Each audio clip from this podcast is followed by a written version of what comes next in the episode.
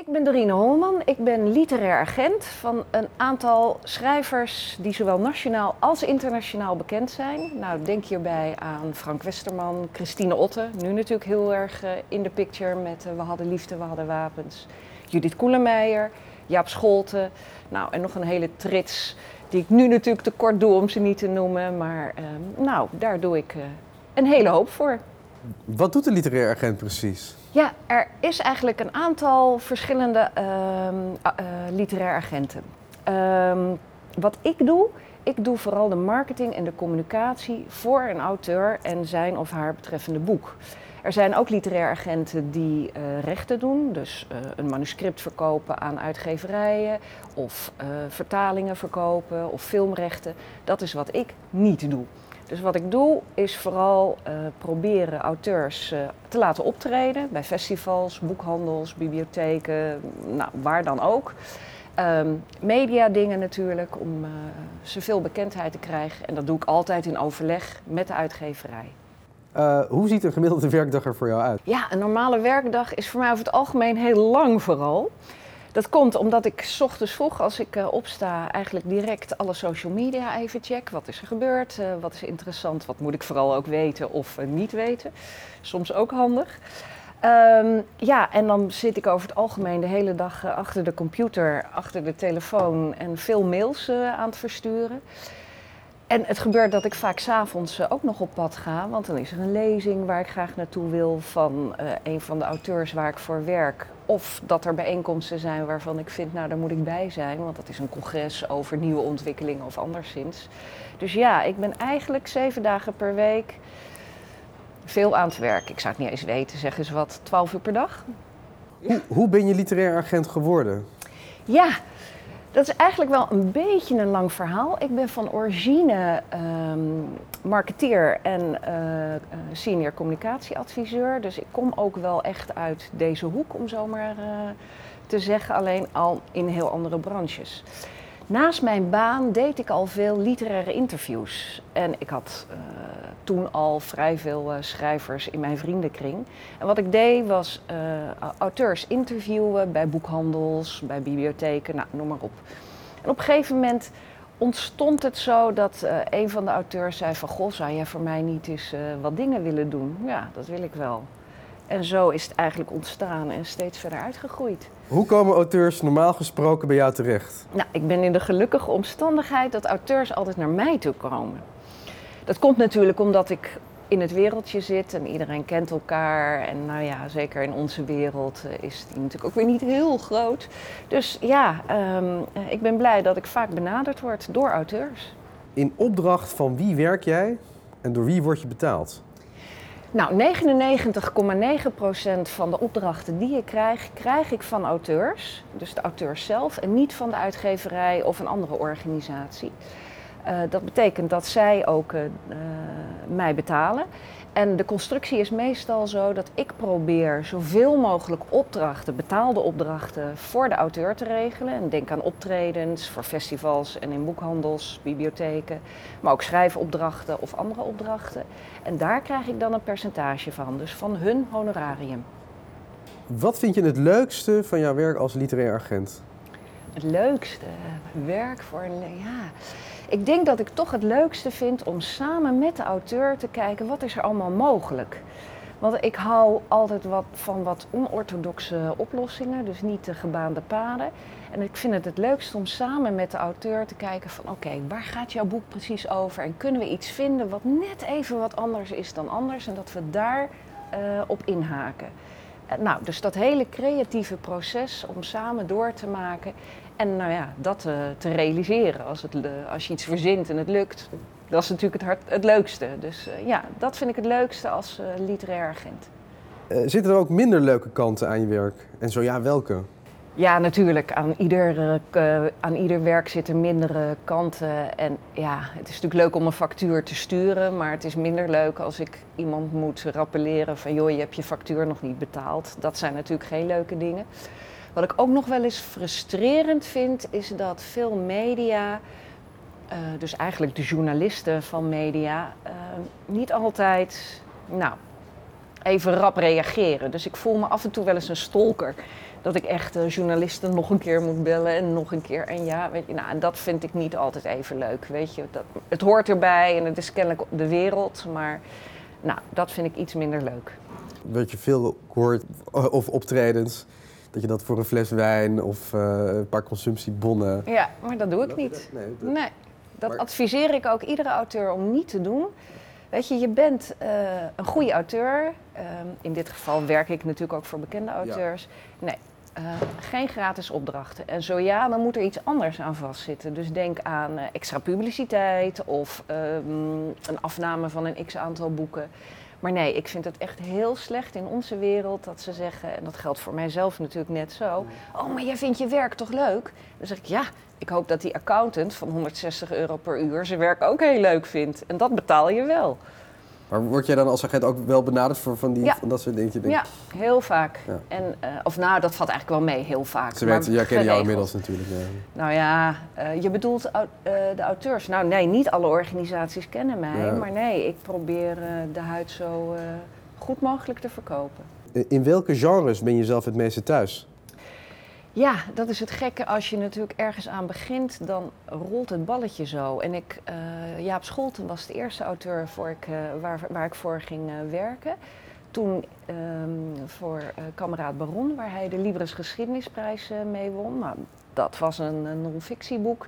En nou, dan gaat het balletje rollen. Dus het merendeel van de schrijvers waar ik voor werk schrijft verhalende journalistiek of literaire non-fictie. Tegen welke problemen lopen auteurs aan als het aankomt op de promotie van hun boek? Uh, ja, het promo de promotie van een boek bestaat natuurlijk uit heel veel onderdelen. Uh, ik werk voor auteurs uh, die uh, bij een gerenommeerde uitgeverij zitten. Ja, die hebben vaak een groot fonds en maken een keuze van is dit een triple-E-auteur, dit, althans zijn boek dan, uh, of haar boek voor dit jaar, of is dat middenmoot? Nou, dat betekent dat een uitgeverij soms echt bewust dan wel onbewust keuzes maakt hoeveel budget ze vrijmaken voor een auteur. En als je natuurlijk een auteur bent die dan in de middenmoot zit, heel goed, maar je bent niet die uh, topper, je bent geen Geert Mak om zo maar te noemen. Ja, dat is dan best wel eens lastig om daar goed aandacht voor te krijgen. Dus die promotie bestaat natuurlijk deels uit promotie richting de boekhandels. Want ja, die kopen de boeken in.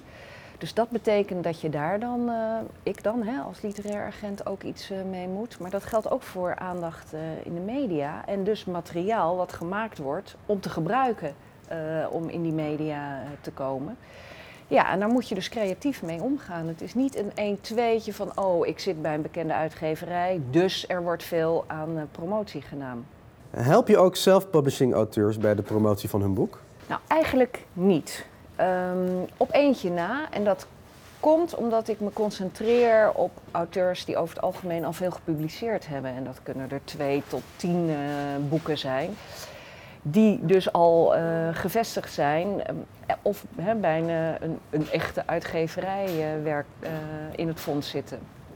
Is één uitzondering. Ik heb ook gewerkt, of ik werk nog, voor Frank Kraken.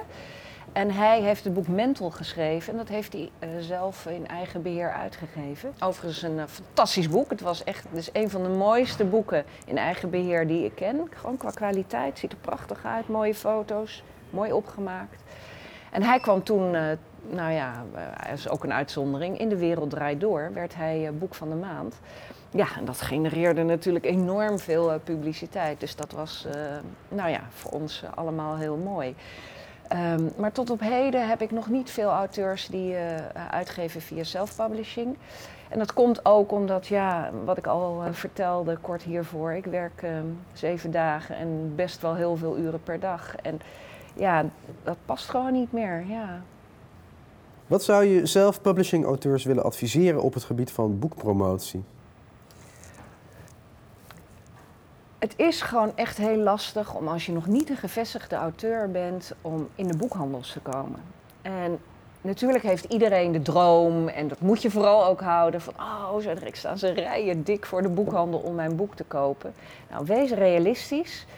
Um, de laatste cijfers wijzen uit dat er ongeveer 50 debutanten, dan richt ik me even op debutanten, per jaar bij de gerenommeerde uitgeverijen uitkomen. Er wordt gezegd dat er 1 miljoen mensen uh, in Nederland schrijft. Dus nou, uh, 50 boeken op 1 miljoen is 0,00005 procent, zoiets. Dus de kans dat je echt uh, um, eruit springt is natuurlijk minimaal. Als je zelf uh, aan self-publishing doet, is het natuurlijk nog lastiger, omdat er geen heel. Je hebt dan niet een heel circuit van inkoop, verkoop en nou ja, CB-routes. dus dat moet je zelf doen. Daarom zeg ik ook tegen mensen die aan self-publishing doen: hartstikke goed. Dat moet je vooral doen. Kijk wat je denkt wat je kan verkopen. En de een zegt ik laat er 10 drukken en de ander doet er 750 en sommigen doen nog meer.